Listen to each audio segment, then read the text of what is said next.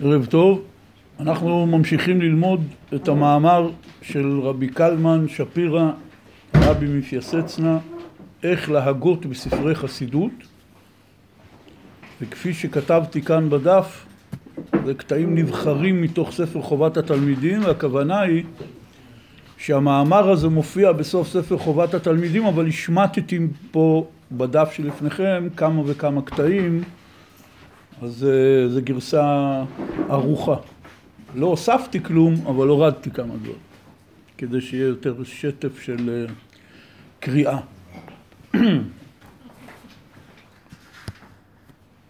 הדבר המעניין הוא שאנחנו לומדים פה מאמר שהכותרת שלו היא איך להגות בספרי חסידות וכמובן צריך לשים דגש מאוד חזק על המילה להגות הוא לא קרא למאמר איך ללמוד ספרי חסידות הוא קרא למאמר איך להגות בספרי חסידות. כאשר, כמו שהפסוק המפורסם אומר, והגית בו יומם ולילה. והגית פירושו וחשבת בו יומם ולילה. כלומר, אה, לימוד התורה באופן כללי, לא כל שכן בקטעים של הפנימיות שלה, כמו החסידות, זה לא קריאה. וזה גם לא לימוד במובן הזה שכל העניין שלי פה זה ללמוד את הטקסט, כמו שעושים במקומות רבים. אלא הרעיון הוא שאני קורא ואני לומד, אני צריך להבין מה כתוב, אבל העיקר הוא ההגות שלי במה שאני לומד. זה נקרא והגית בו יומם ולילה וחשבת בו יומם ולילה. כלומר העיקר העיקרים זה מה הספר או הקטע שאני לומד, מה הוא מוליד בי לצורך העניין. אז אנחנו בעצם כבר מקיימים את זה, מפני שמה שאנחנו עושים עכשיו, אנחנו לומדים ספר חסידות. כן? גם המאמר שאומר איך ללמוד ספרי חסידות הוא בעצמו ספר חסידות של איש קדוש שדיברנו עליו לפני שבועיים, שהיה ממש אה, בדורנו ונרצח בשואה בגיל 54, הספיק הרבה בחיים. אבל אני רוצה להתחיל במשהו אחר. אני קורא עכשיו ספר של הרב יונתן זקס.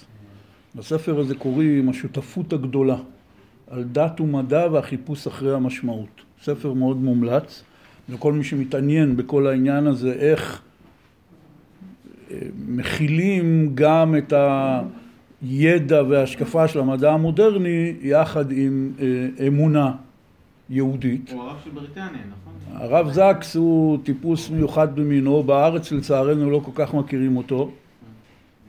הרב זקס הוא קודם כל לורד. הוא הרב הלורד, יונתן זקס. הוא היה הרב הראשי של בריטניה, היום כבר לא, יצא לפנסיה.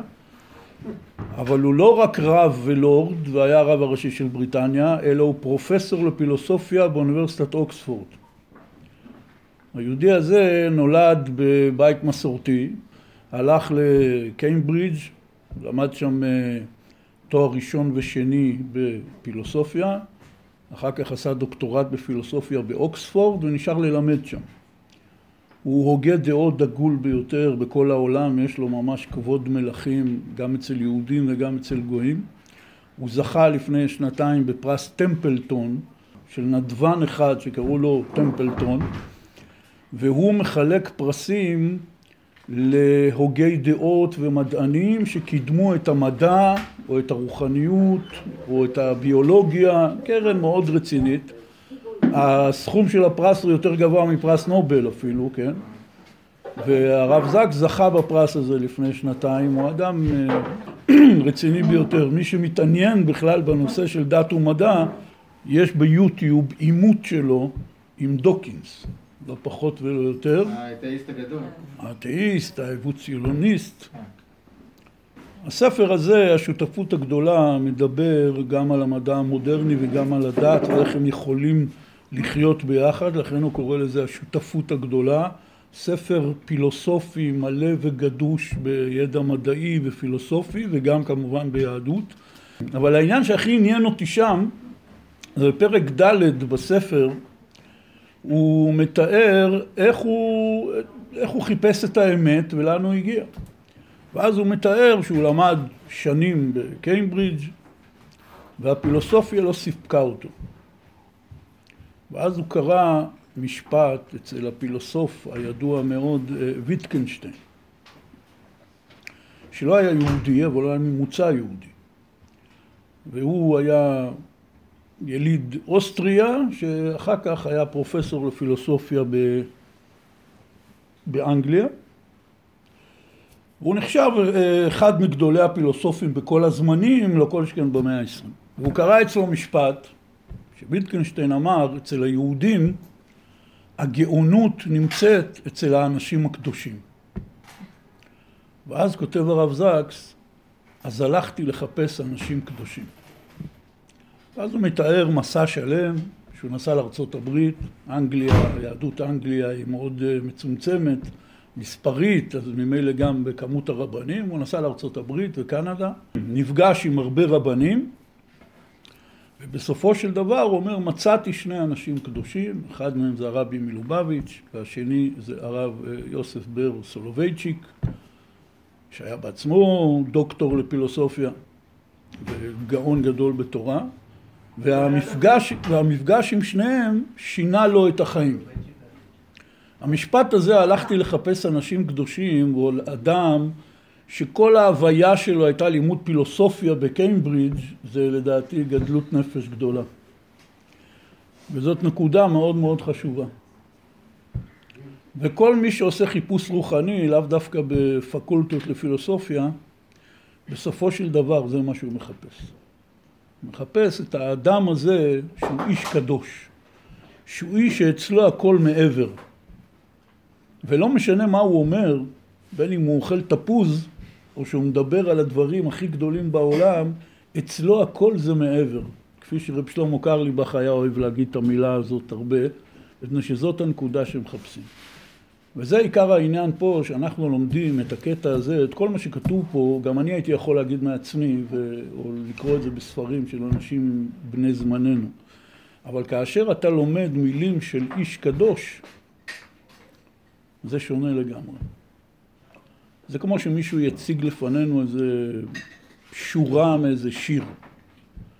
זה יכול להיות שיר שכתב איזה פזמונאי בן זמננו שכותב, איך אומרים, לפי השקל, וזה יכול להיות שורה משיר של משורר דגול ביותר, ולפעמים אתה לא תבחין איזה שורה יותר איכותית מהשנייה.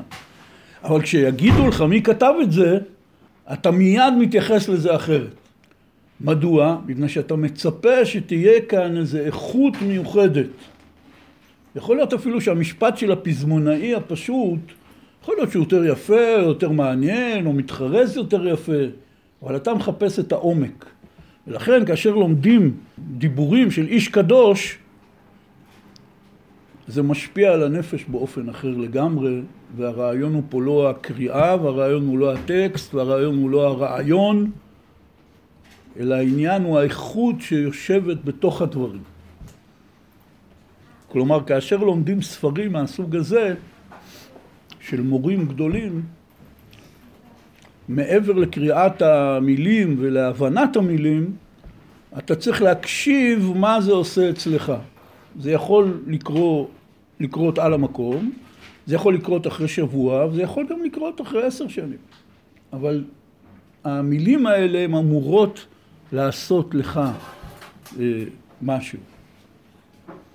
אנחנו התחלנו את המאמר הזה, הגענו למקום שהדף הזה מתחיל, ונתחיל מיד אה, לקרוא וללמוד ולהגות במה שהוא אומר לנו. כדי להבינך יותר את עצמך, את המקום אשר ממנו נחצבת ואת התקשרותך בעולמות העליונים, צריכים אנו להרחיב מעט את הדיבור בזה ולדבר מעט מעניין הצמצום ובריאת העולמות בכלל. עד כאן הקטע הקודם שלמדנו בשתי הפעמים הקודמות, הוא דיבר שם על העניין הזה שכל אחד מאיתנו הוא מורכב, חוץ מהגוף, בחמישה חלקי הנשמה. נפש, רוח, נשמה, שהן נמצאות בתוך הגוף, חיה ויחידה שנמצאות מחוץ לגוף.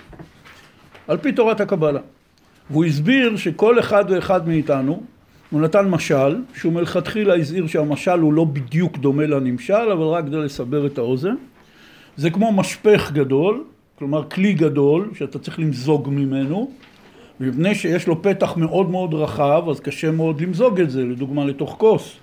ולכן עושים לכלי הזה, עושים לו פייה צרה, כדי שתוכל למזוג לתוך מקום צר.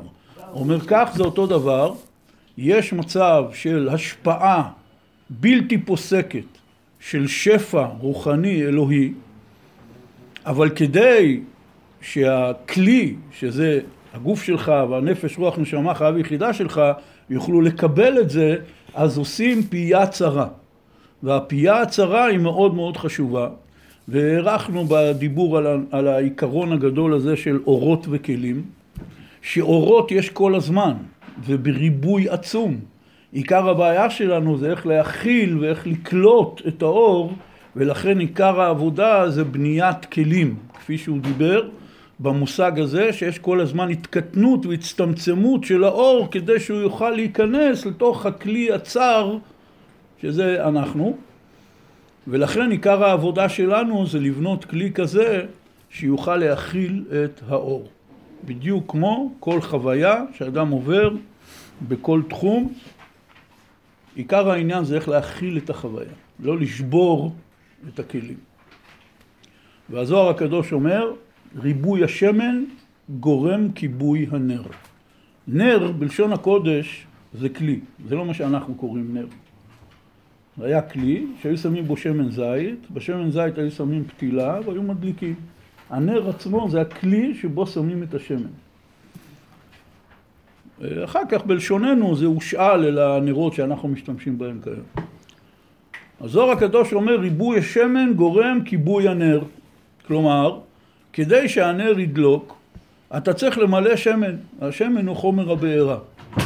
אם אתה מתלהב מהאש ומרוב התלהבות שופך כמות כזאת של שמן לתוך הנר שהפתילה לא מסוגלת לספוג ולתת לאש אה, לשרוף את השמן שספוג בפתילה אז האש נכבדת כמו שכולנו יודעים והעיקרון הזה פועל בהמון המון עניינים אחרים שתמיד צריך את המינון המדויק כי לפעמים כשאתה מתלהב יותר מדי אז הכל נכבה. זה, זה הנקודה ולכן הוא אומר פה, בחלק הראשון של המאמר, דיברנו על המקום אשר ממנו נחצבת. רבותינו קראו לזה מחצב הנשמות, שבעולמות עליונים יש מקום שמשם נאצלות הנשמות, אז הם קראו לזה מחצב הנשמות, כמו מחצבה שאתה חוצב מתוכה אה, אבנים בודדות. ואת התקשרותך בעולמות העליונים. שדיברנו על העניין הזה, שחיה ויחידה הם חלקי הנשמה שמקשרים בין האדם לבין העולמות העליונים, והנפש, רוח ונשמה מקבלות מהם. אומר, אבל עכשיו אנחנו צריכים להרחיב מעט את הדיבור, לדבר מעט בעניין הצמצום ובריאת העולמות בכלל. הצמצום ובריאת העולמות זה בעצם יסוד תורת הקבלה, בעיקר של הארי הקדוש, והתחלת כל ספרי הקבלה של הארי הקדוש, הם מתחילים בנושא הזה של בריאת העולם, אור אינסוף, הצטמצם, ואז נהיה בריאת העולמות בתוך החלל הפנוי שהתפנה מהאור אינסוף, כי אחרת אי אפשר לברוא שום דבר, וזה נושא מאוד מאוד ידוע, אבל כאן הוא אומר לנו דבר מאוד מאוד חשוב, אבל כלל זה תדע. כלומר, לפני שהוא מתחיל לדבר על הצמצום ובריאת העולם, על כל מיני סוגים מהקבלה, הוא נותן הקדמה. אבל כלל זה תדע, בין כשתעיין בדברינו, בין כשתזכה ללמוד בדברי קדושנו שרפי אל מאורי עולם. זכותם יגן עלינו. המדברים עניינים גבוהים, רק את הדברים שמדברים אליך תרצה להבין. ולא תבוא מזה לשאול גם על שאר הדברים הרוחניים. משל למה הדבר דומה? לילד שהתחילו ללמוד עמו א' ב' ונזדמן ביד המלמד חומש או גמרא והראה לו בהם את האותיות, ורצה הילד לדעת תכף את כל מה שכתוב שם. והשכיל אותו המלמד לאמור, אם תזכה, אז אחר כך תלמד גם את כל אלה. ובלבד שאתה תסתפק לדעת רק אשר אני מראה לך אות זה וזה. ואם תמהר ותחטוף, אף גם את האלף בית לא תדע. ורק בקושיות וסברות של הבל תמלא את מוחך. כן, גם אתה. כשתזכה תבין יותר, אבל לעת עתה רק את אשר לפניך תבין. בגלל שיש לנו פה עיקרון מאוד גדול, שזה הרעיון של כל המאמר שהוא מדבר, שאנחנו לומדים חסידות, אנחנו בעצם לומדים על עצמנו. אנחנו לא באים לעשות דוקטורט בחסידות. אנחנו באים ללמוד על עצמנו. לכן הוא אומר, בין כשתעיין בדברנו ובין כשתזכה ללמוד ספרי קודש אחרים, רק את הדברים שמדברים אליך תרצה להבין, ולא תבוא מזה לשאול גם על שאר הדברים הרוחניים. מדובר פה בתורות גדולות ועמוקות, וכפי שראינו בחלק הקודם של המאמר, כדי להבין אותם וללמוד אותם באופן הראוי, זה לא מספיק רק להיות אינטליגנט ולדעת לקרוא, אלא צריך גם טהרת הגוף. צריך להכין כלים בשביל התורה הזאת. לכן הוא אומר, לאט לאט. והמשל הוא נפלא. מלמדים ילד לקרוא, רוצים להראות לו את האות א', למלמד אין לוחות כאלה מקצועיים, הוא לוקח גמרא, מראה לו את האות א', הוא אומר לו זאת אות א'. הילד אומר רגע, אבל מה כתוב פה? אומר לו סתן שויה, לאט לאט. אנחנו עכשיו לומדים אותיות. תתקדם, אתה גם תלמד מה שכתוב כאן ותבין את כל מה שכתוב כאן, אבל זה לא העניין עכשיו. אומר אותו דבר פה הרב שפירא. אנחנו מדברים במושגים מקבלה, אבל אנחנו לא נמצאים כאן כדי ללמוד קבלה, מפני שאנחנו עדיין בכלל לא בשלב של ללמוד קבלה. אנחנו עכשיו בשלב שאנחנו לומדים אותיות, כדי שנוכל לצרף את האותיות באופן הנכון ולצרף תורה שמדברת אלינו ומועילה לנו. וזה יסוד מאוד גדול, רבי נחמן מביא את זה, ועוד בספרים אחרים גם דיברו מזה, דוד המלך, יש לו פסוק שאומר ככה, אז אמרתי, הנה באתי, במגילת ספר כתוב עליי. ככה אומר הפסוק. ומסבירים הצדיקים, רבי נחמן הכי מעריך בזה, במגילת ספר כתוב עליי. כשאני לומד תורה, אני לומד תורה באופן כזה שכל מה שאני לומד זה כתוב עליי. אני צריך לחפש איפה אני בתוך כל הדבר הזה. כי אחרת, אם זה הופך להיות איזה מין לימוד חיצוני לי, שאני לומד אותו ולא התחברתי איתו, וחז"ל קראו לזה ממש, יש להם תיאורים שאדם לומד תורה, הוא כאילו אוכל את התורה והיא נמצאת בתוך מאב, כי זה הפסוק הבא, אגב, שם במזמור של דוד המלך. ותורתך בתוך מאי. זאת אומרת, הדרך לדעת איך ללמוד, זה דבר כל כך חשוב שאי אפשר לתאר. וצריך לדעת שבמסורות עתיקות, בכל האנושות, מהמזרח גם במערב, הדרך הזאת של המתודה של איך לומדים, היא עברה מדור לדור, ממורה לתלמיד. אנחנו, כל השושלות האלה נפסקו אצלנו, גם של היהדות וגם של מקומות אחרים, והתרגלנו להתייחס לכל דבר כטקסט. אני תמיד מאוד צורם לי כאחד שבא מתוך בית המדרש ולא מהאוניברסיטה שאני רואה כל מיני קורסים נגיד בחסידות או בקבלה, כן, אז יש את הביטוי הזה שלומדים טקסטים. כי האמת שאין שום הבדל בין טקסט של אה, פוסט בפייסבוק לטקסט של ספר. זה כתוב וזה כתוב ואנחנו לומדים את זה וגם קוראים את זה, מה ההבדל? אין שום הבדל. הכבוד למילה הכתובה, הכבוד לתוכן, זה דבר שליווה אנשים בכל התרבויות, לאו דווקא בדתות. הכבוד למי שאמר ומתי שאמר. ביהדות יש הלכות מאוד מאוד מפורטות בין תלמיד לרבו. והיום אפילו בתוך הישיבות אה, כבר לא כל כך מקיימים את זה. הרעיון הזה של הכבוד הגדול בין התלמיד למורה, מה שאפשר לראות גם במסורות מזרחיות, כן, בזן ובמקומות אחרים, היראה וה, וההרגשה הגדולה של התלמיד, אני עכשיו באתי פה, מישהו משקה אותי ומאכיל אותי ובונה אותי. כך גם צריך להתייחס לטקסטים. הרבה אנשים לפעמים עומדים מול כוננית ספרים או מול ספרייה שלמה ומתייאשים בכלל מלקרוא ספרים וללמוד. אין לדבר סוף. אין אפשרות לקרוא את כל הספרים בעולם.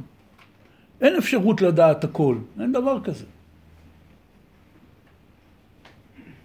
והמשל הוא שבא אדם, אומר לך, אתה לא יודע כמה זמן חיפשתי דירה, ומצאתי דירה, חבל לך על הזמן.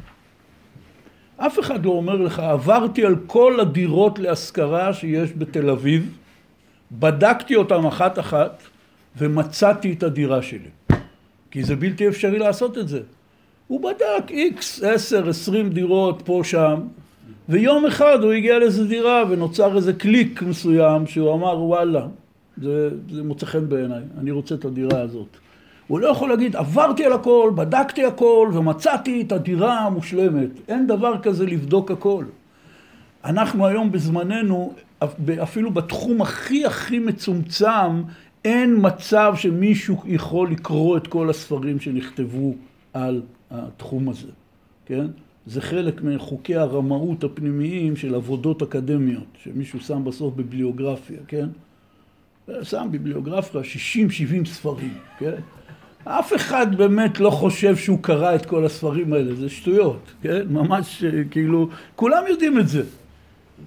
ושהוא כותב לך כזה בקידוד האקדמי, כן? אה, זילברמן אה, ב-2012 כתב, ובביליוגרפיה כתוב בדיוק את השם של הספר והכל, אפילו לא כותבים באיזה עמוד זה, כן? בעבודות אקדמיות.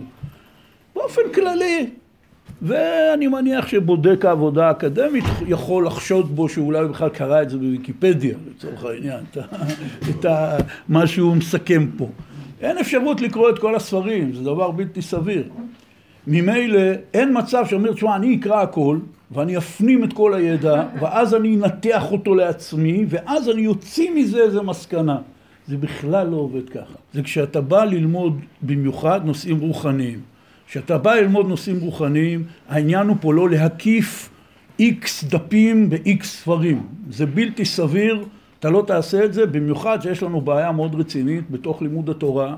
נניח שאדם מתחיל ללמוד זוהר. זוהר זה ספר מאוד יסודי בפנימיות התורה, וזה ממש האלף בית, כמו שאומרים. עכשיו, אדם מתחיל ללמוד את הזוהר. בהוצאות הישנות, בכתב רש"י צפוף, זה שלושה כרכים עבים, אבל בהוצאות של היום, עם התרגום והפירושים, זה עשרים כרכים. כשאתה מגיע לכרך י"א, אתה לא זוכר מה קראת בכרך א', כן, זה ברור לכולם. אז גם כשהוא גומר בסוף, הוא לא יכול להגיד לך, אני למדתי את כל הזוהר, ואני... בסדר, למד, למדת. יש ביטוי ישיבתי מאוד מאוד אה, נחמד שקשור למה שאנחנו אומרים. אדם אחד בא לאיזה רב, רצה להתקבל בתור אה, מורה בישיבה שלו, אז אמר לו, מה, למדת? אז הוא אומר לו, אני עברתי על כל הש"ס. זאת אומרת, עברתי, למדתי את כל התלמוד. יפה. אמר לו הרב, השאלה אם הש"ס עבר עליך. זאת השאלה. וככה זה בכל ספר שאנחנו קוראים, מספר שירה, ספר פילוסופיה, או אפילו ספר אה, ספרותי, פרוזה שאמורה לעורר משהו. זה שאתה עברת על הספר זה יפה מאוד, השאלה אם הספר עבר עליך. ואנחנו מחפשים ללמוד כאלה ספרים שהם יעברו עלינו. זאת אומרת, אחרי שאני קורא את הספר הזה, אני בן אדם אחר ממה שהייתי כשהתחלתי אותו. וזאת אהבת הספר ואהבת הלימוד היהודית האמיתית. ולכן אומר לנו רבי מפיאסצנה, אנחנו מדברים רק את הדברים שמדברים אליך. אתה עכשיו כמו התינוק שמראים לו אות א' והוא רוצה ישר לדעת מה כתוב, עזוב, בשביל מה לך? בשביל מה לך? מה זה ייתן לך? בעולם החיצוני זה ייתן לך שתוכל לעשות רושם על אנשים, שאתה יודע המון מושגים וזה וזה. זה לא העניין. העניין זה איך אני לומד באופן כזה שזה יעבור עליי, ואז ממש אין שום משמעות אם למדתי מאה דפים או למדתי מאה שורות, או אפילו שתי שורות. רבים מאוד האנשים שלפעמים הם מצאו באיזה ספר איזה שתי שורות או עשר שורות ששינו להם את החיים לגמרי. וזה מה שאנחנו מחפשים. ואנחנו עוברים מספר לספר בשביל לחפש את החוויה הזאת. את החוויה הזאת, שאחרי שאני אקרא את הספר אני אהיה אדם אחר, יותר טוב, זה הכוונה. לכן הוא אומר, אני עומד להשתמש פה כאן עכשיו במאמר במושגים מתורת הקבלה, אבל אנחנו לא לומדים קבלה, אנחנו עכשיו לומדים על עצמנו. רק משתמשים במה שהזכרתי פעם שעברה, בהמשגה מיוחדת שהיא באה מעולם הקבלה והחסידות. אומר הרב שפירא, עוד מאברהם אבינו מן הנביאים, התנאים, ובפרט רבי שמעון בן יוחאי, מן הארי ז"ל ושאר המקובלים, זכותם יגן עלינו. הארי זה, זה הראשי תיבות שעם ישראל קורא לרבי יצחק לוביה, ראשי תיבות האלוקי רבי יצחק, זה ראשי תיבות הארי. הוא נולד בירושלים, חי רוב ימי חייו במצרים, ובסוף ימיו הוא עלה לצפת, בסוף ימיו זה היה גיל צעיר מאוד, הוא נפטר בגיל 38, ובמשך שנתיים הוא היה גר בצפת, ולימד תלמידים, הגדול שבהם והחשוב שבהם קראו לו רבי חיים ויטל, והוא בעצם כתב את כל תורתו של האריזל משנתיים שהוא למד איתו. ועוד פעם, זה לא שנתיים מהבוקר עד הערב, כי לאריזל הייתה חנות בצפת, הוא היה אדם עובד. בשעות הפנאי הם היו יושבים ביחד והיו לומדים, ומזה נהייתה כל תורת הארי, שזה ים שאין לו סוף, והשפיע על עם ישראל בצורה בלתי רגילה. הארי לא היה תלמיד של שום מקובל. כאילו של הרמה? לא. האריזל הגיע לצפת, והרמק היה אז גר בצפת, והאריזל מאוד כיבד את הרמק, כי הרמק היה גדול המקובלים לפני האריזל, אבל הוא לא למד ממנו. הוא אומר כך, עוד מאברהם אבינו, והנביאים, והתנאים, ורבי שמעון בר יוחאי, והאריזל, ושאר המקובלים. שושלת שלמה של קבלה. קבלה בידינו שכשברא השם את העולם, גם כן צמצם אותו במדרגות וצמצומים שונים.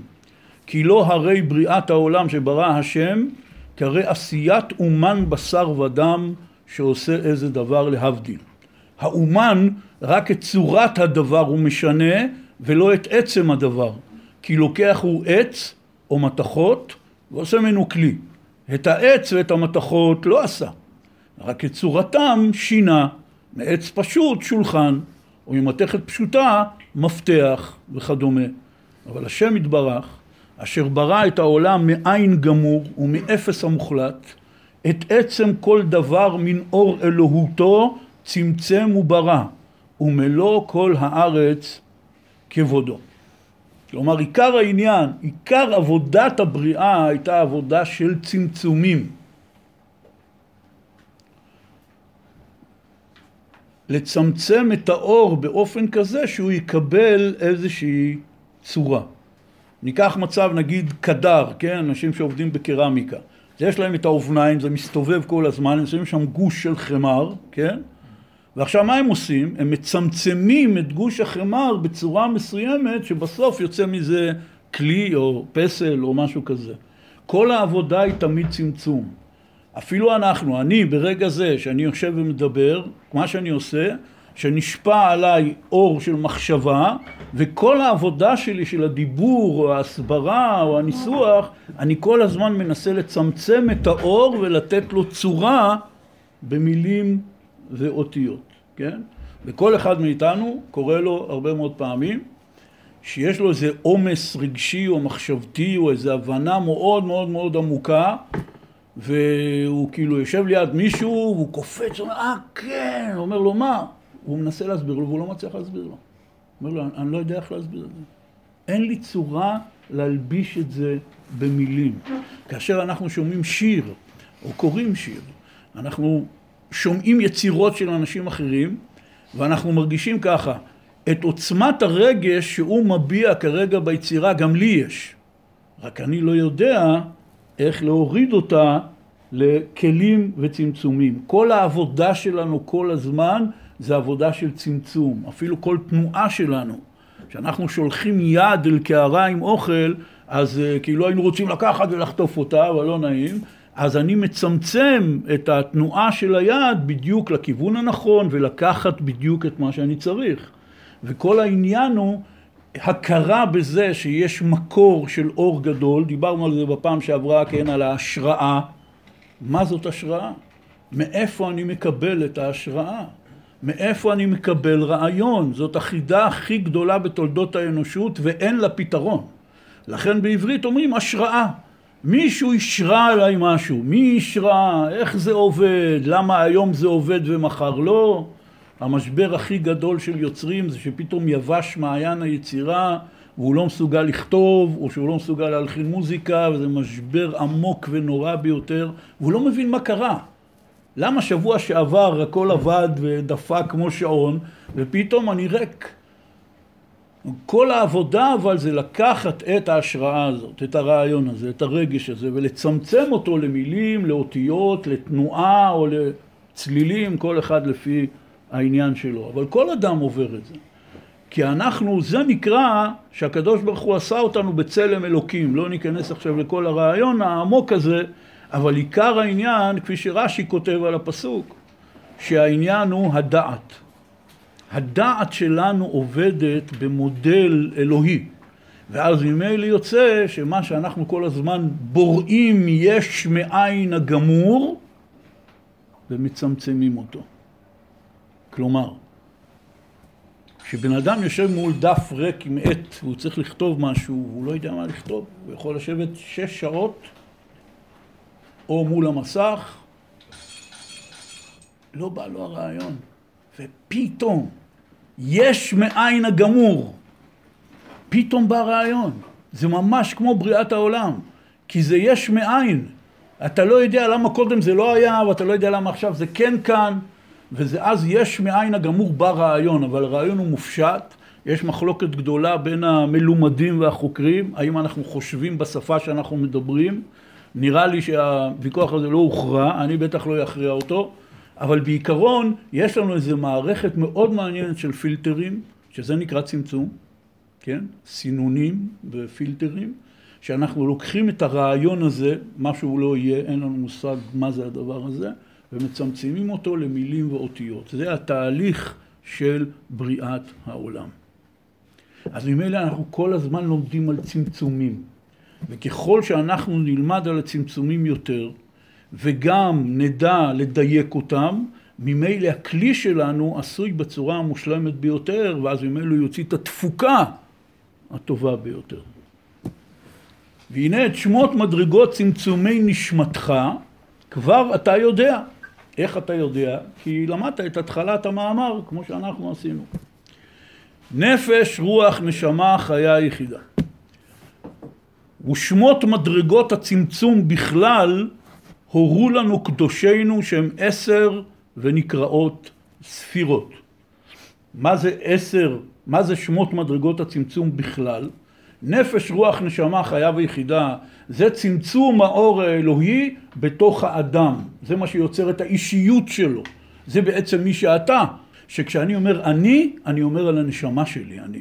מפני שכשאני אגיע יומי וגופתי תהיה מוטלת מול המלווים בהלוויה, הם יגידו איזה חבל שהוא הלך. אבל הוא לא הלך, הנה הוא פה. הלך פה איזה משהו חמקמק, שבחיים לא שמנו לב בכלל, שכשאני אומר אני, או כשאני אומר אתה, כשאני אומר הוא, אני אומר את זה על משהו שאין לו שום הגדרה.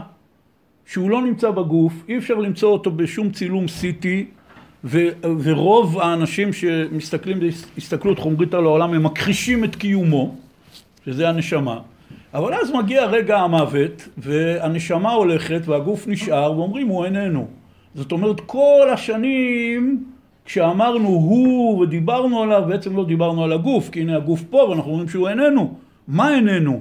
שאלה גדולה מאוד שהאדם צריך לעיין בה, לא שהוא ימצא תשובה, אבל לעיין בה צריך כדי להבין את העניין הזה שנקודת החיות שלנו והאישיות שלנו זה משהו שאין לו שום הגדרה. וקדושינו, חכמי ישראל, האנשים הקדושים, הם כן נתנו לזה שמות שהם קיבלו במסורת, וזה נפש, רוח, נשמה, חיה יחידה. אבל זה רק הצמצום בתוך גוף האדם.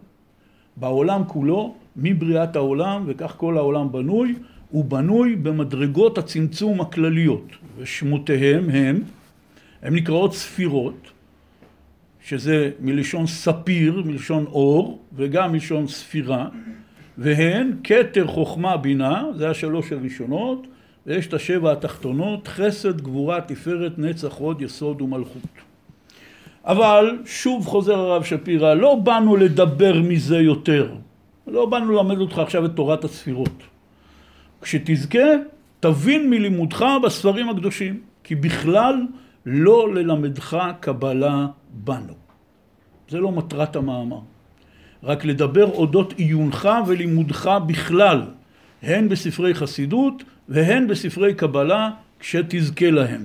אני רק מעיר בסוגריים, את המאמר הזה הרב שפירא כתב לבחורים צעירים בגיל העשרה. זה ספר שלם עם המאמרים שבסופו, שזה אחד מהם, הוא כתב את זה לבחורי ישיבה. כלומר, לפני גיל עשרים. לכן הוא אומר, שתזכה להם, כי בחורים בגיל העשרה עדיין כמובן לא נחשפו לשום ספר כוונה.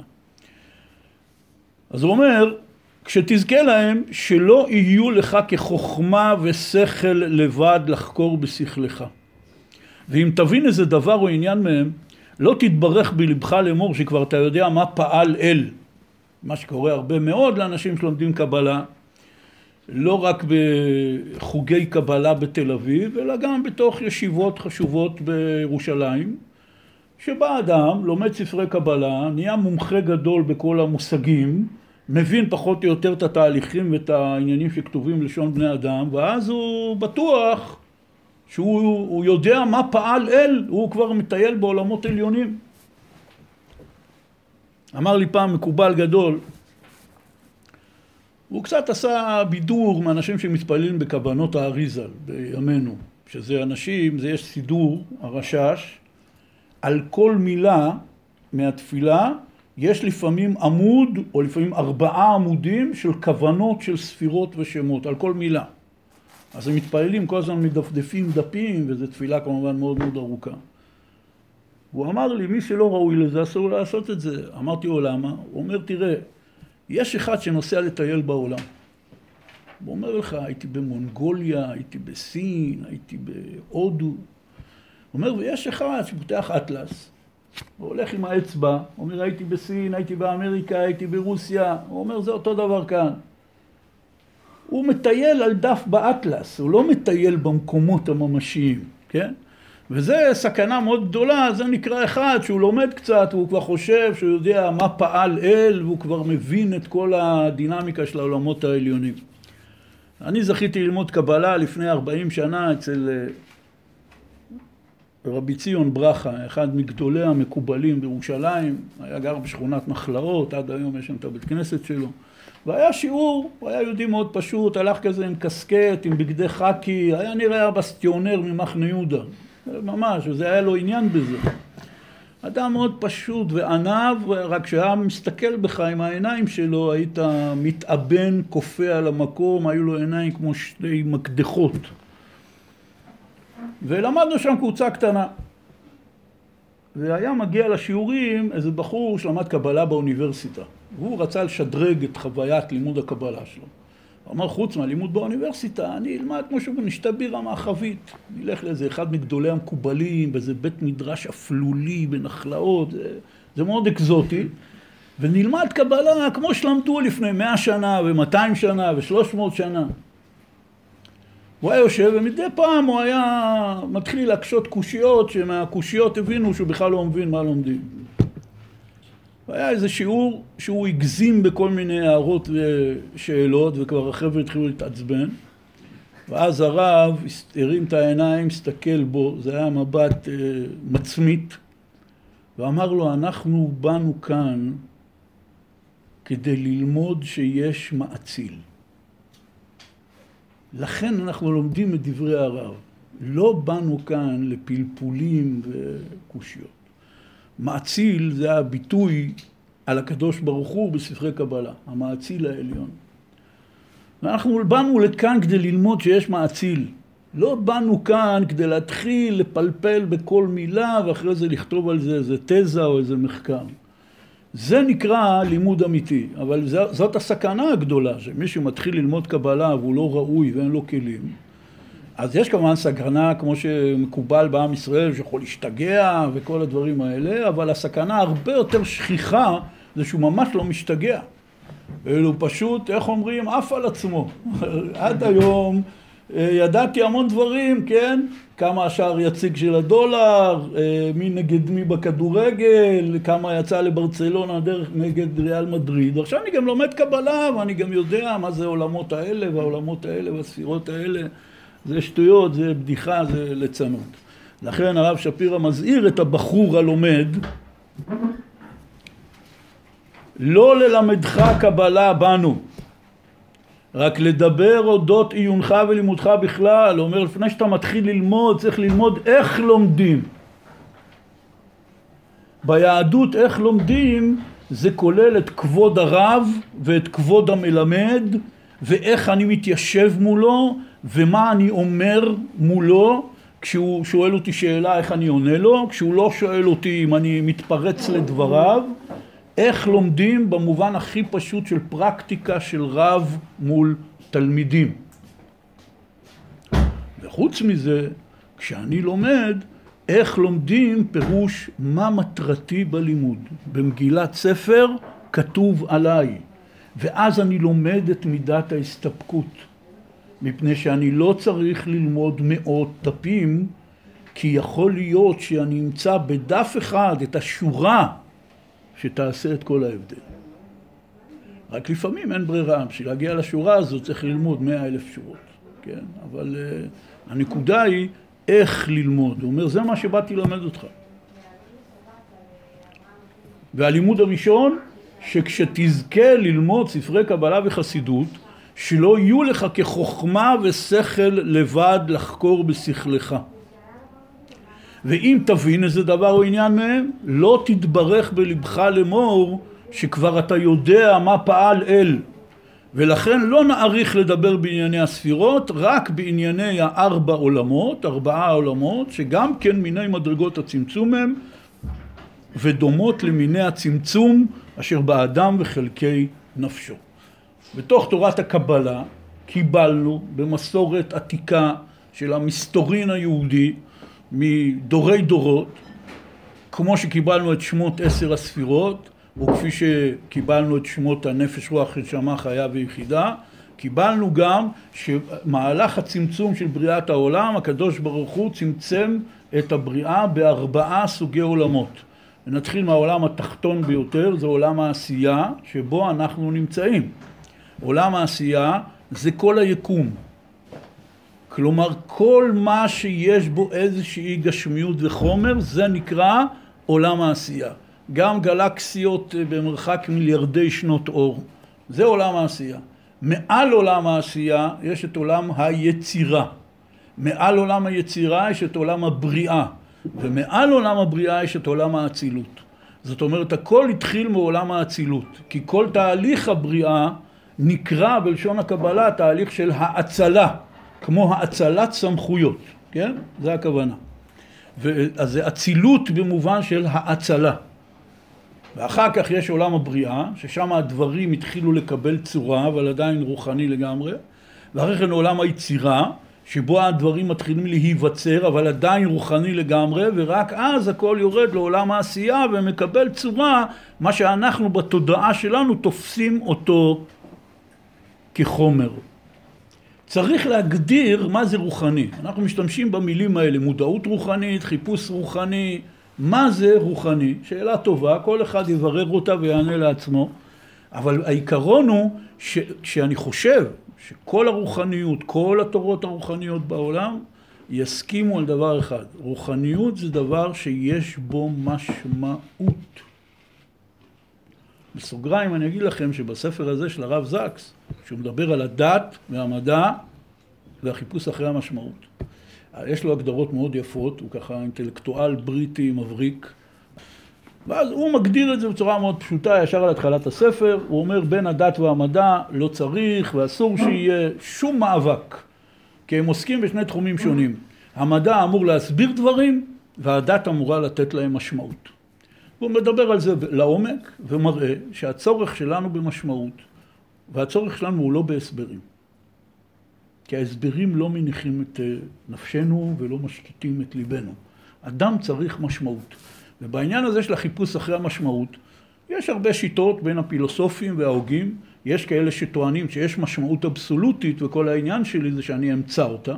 ויש אחרים שהם כופרים בעניין הזה שיש משמעות אבסולוטית, אבל הם בהחלט מסכימים שאדם חייב לייצר לעצמו משמעות כדי שהחיים שלו לא יהיו בודדים, משעממים וריקניים אה, כמו חיים של הרבה מאוד אנשים בזמננו, כמובן אף אחד לא פה בחדר הזה, אבל אנשים בדור הזה סובלים מריקנות ובדידות ו- וחוסר תוחלת, ולכן התרופה האמיתית, כמו שוויקטור פרנקל אה, גילה והציל הרבה אנשים בתורה שלו, זה צריך משמעות.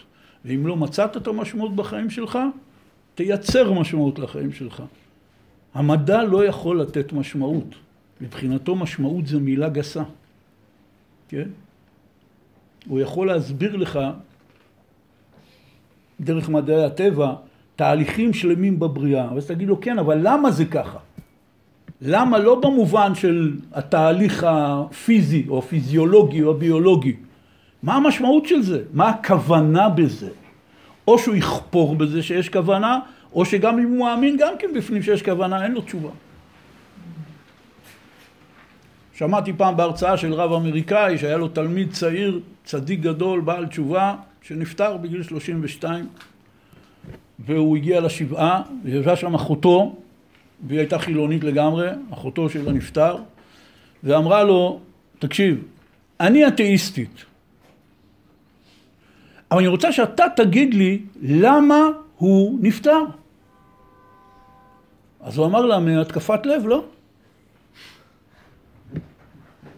אז היא אומרת לו, לא שאלתי אותך איך, שאלתי אותך למה.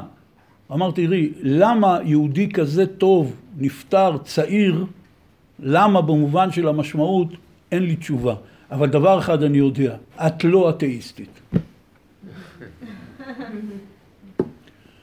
היא מציקה לאדם השאלה למה על רוע, על סבל, על אכזריות, על כל מיני דברים שיש בחיים, אז הוא לא אתאיסט.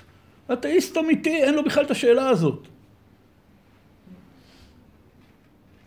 כי הוא לכתחילה מקבל את העניין של העולם אין שום משמעות, זה תהליכים רנדומליים שפועלים על פי חוקי טבע ונגמר הסיפור. אבל אדם שמציקה לו השאלה, אז הוא לא אתאיסט, אין לו תשובה. אבל בינינו גם למאמין אין תשובה. ישעיהו הנביא היה דתי, לא סתם דתי, היה ממש רב מאוד חשוב. הוא אמר לקדוש ברוך הוא, אכן אתה אל מסתתר. האכן הזה הוא ספוג בכאב של דורות. מה זה אכן? אחרי כל מה שאנחנו רואים בעולם, אתה אל מסתתר. הרב זקס, אגב, בספרו, אני פשוט קורא אותו עכשיו, אז תסלחו לי שאני מזכיר אותו הרבה, אבל אני ממש ממליץ על הספר. הוא בכלל יש לו שיטה, בכל הספרים שלו, הוא כתב עשרות ספרים, אגב, בהרבה נושאים, חלק מהם תורגמו לעברית. הוא טוען שאמונה זה מצב של קיום בתוך עולם של אי ודאות. ואני מסכים איתו, כי כך למדתי מרבי נחמן מברסלב. אמונה זאת שאלה, אמונה זאת לא תשובה. ואולי נדבר על זה בהזדמנות אחרת. אבל בעיקרון, העניין הזה של המשמעות הוא הדבר העיקרי והחשוב ביותר אצל האדם, גם אם הוא אתאיסט וכופר מוחלט וצוחק ממני, שאני חושב שיש משמעות אבסולוטית לעולם, ואנחנו צריכים לגלות אותה, כי יש מי שיצר את העולם הזה בכוונה מסוימת, ואנחנו צריכים להתחבר עם הכוונה הזאת. הוא, זה נשמע לו דבר מופרך, הוא לא מאמין בזה. זה לא משנה. אני, אם אני פוגש אחד כזה, אני אומר לו, אחי, תחשוב על מה שאתה רוצה. תחשוב על הדת מה שאתה רוצה, תחשוב על האמונה מה שאתה רוצה. העיקר תמצא משמעות. כי אדם בלי משמעות זה אדם שחי לשווא, הוא חי חיי סבל, והוא מת, כמו שאומרים, חז"ל אמרו אין אדם מת וחצי תאוותו בידו, כלומר אי אפשר אפילו להשיג חצי מהתאוות שלך בחיים, הוא נפטר מן העולם בלי כלום. אדם צריך שתהיה לו משמעות. כל העניין של היהדות זה קריאת תיגר נגד הסתמיות. ואנחנו חיים בתוך חברה שבעשרות שנים האחרונות מפתחת יותר ויותר את אידיאל הסתם. הכל סתם. לא סתם. סתם סמך תף א' א' א' א' א' א' א' מ', כמו שכותבים את זה בפייסבוק או בוואטסאפ, סתם. זאת השאלה הראשונה, שבכל התורות הפילוסופיות ובכל התורות המיסטיות אומרים לאדם שהוא צריך לשאול את עצמו, למה אני כאן? והרעיון הוא לא התשובה. אדם יכול לשאול את השאלה הזאת במשך עשרות שנים ולא למצוא תשובה, זה לא הנקודה, הנקודה היא שהוא ישאל. הוא חייב להיות אדם שואל. אחד מתלמידי הבעל שם טוב, תלמידי תלמידי הבעל שם טוב, רבי אהרון הגדול מקרלין, זה היה שמו, הוא מדבר על המן שירד לבני ישראל במדבר. כתוב בתורה שירד לחם מן השמיים, והמן זה היה משהו שלא היה דומה לשום דבר שמכירים כאן בעולם הזה. ואז כתוב שבני ישראל ראו את המן ולא ידעו מה זה. ואז כתוב, ויאמרו איש אל אחיו, מן הוא? כי לא ידעו מה הוא. ויקראו שמו מן. זה עמוק מאוד. הם ראו משהו ואמרו, מה זה? אז הם קראו לזה, מה זה? אבל מה זה מן? מה? מן, רש"י כותב שזה מלשון זימון, כלומר דבר שזומן לנו מהשמיים. אבל מפרשי הפשט של התורה, כמו הרשב"ם, נכד רש"י, אומר מן פירושו מה. כלומר שהם שאלו אחד את השני מן הוא, הם שאלו אחד את השני מה זה. כי לא ידעו מה הוא, זה לא היה דומה לשום דבר, הם לא ידעו להסביר מה זה הדבר הזה. ואז הם קראו לו מן, הם הפכו את השאלה לתשובה. וזה העומק של אמונה. אמונה זה צעקה, אמרתי את זה אולי פה פעם, שאני לפי שיטתי, הכופר הוא כל הזמן שואל, איפה אלוקים? איפה אלוקים? והמאמין שואל בדיוק את אותה שאלה, אותה מילים, איפה אלוקים? רק הוא שואל את זה מנגינה אחרת, כל ההבדל זה במנגינה. השאלה נשארת בדיוק אותו דבר. כולם שואלים איפה אלוקים. יש מי ששואל את זה בהתרסה כשאלה רטורית, כי הוא לא מאמין שיש אלוקים, ויש אחד ששואל את זה מתוך סבל וכאב, ואיפה אלוקים?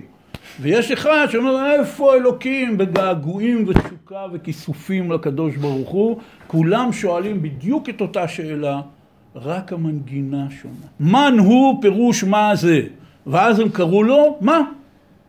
זה פירוש המילה מן. מה? אומר רבי אהרון הגדול מקרלין, זה בדיוק עניין האמונה. זה החיפוש והכיסופים והתשוקה הבלתי פוסקת למצוא את אלוקים, ואין תשובה.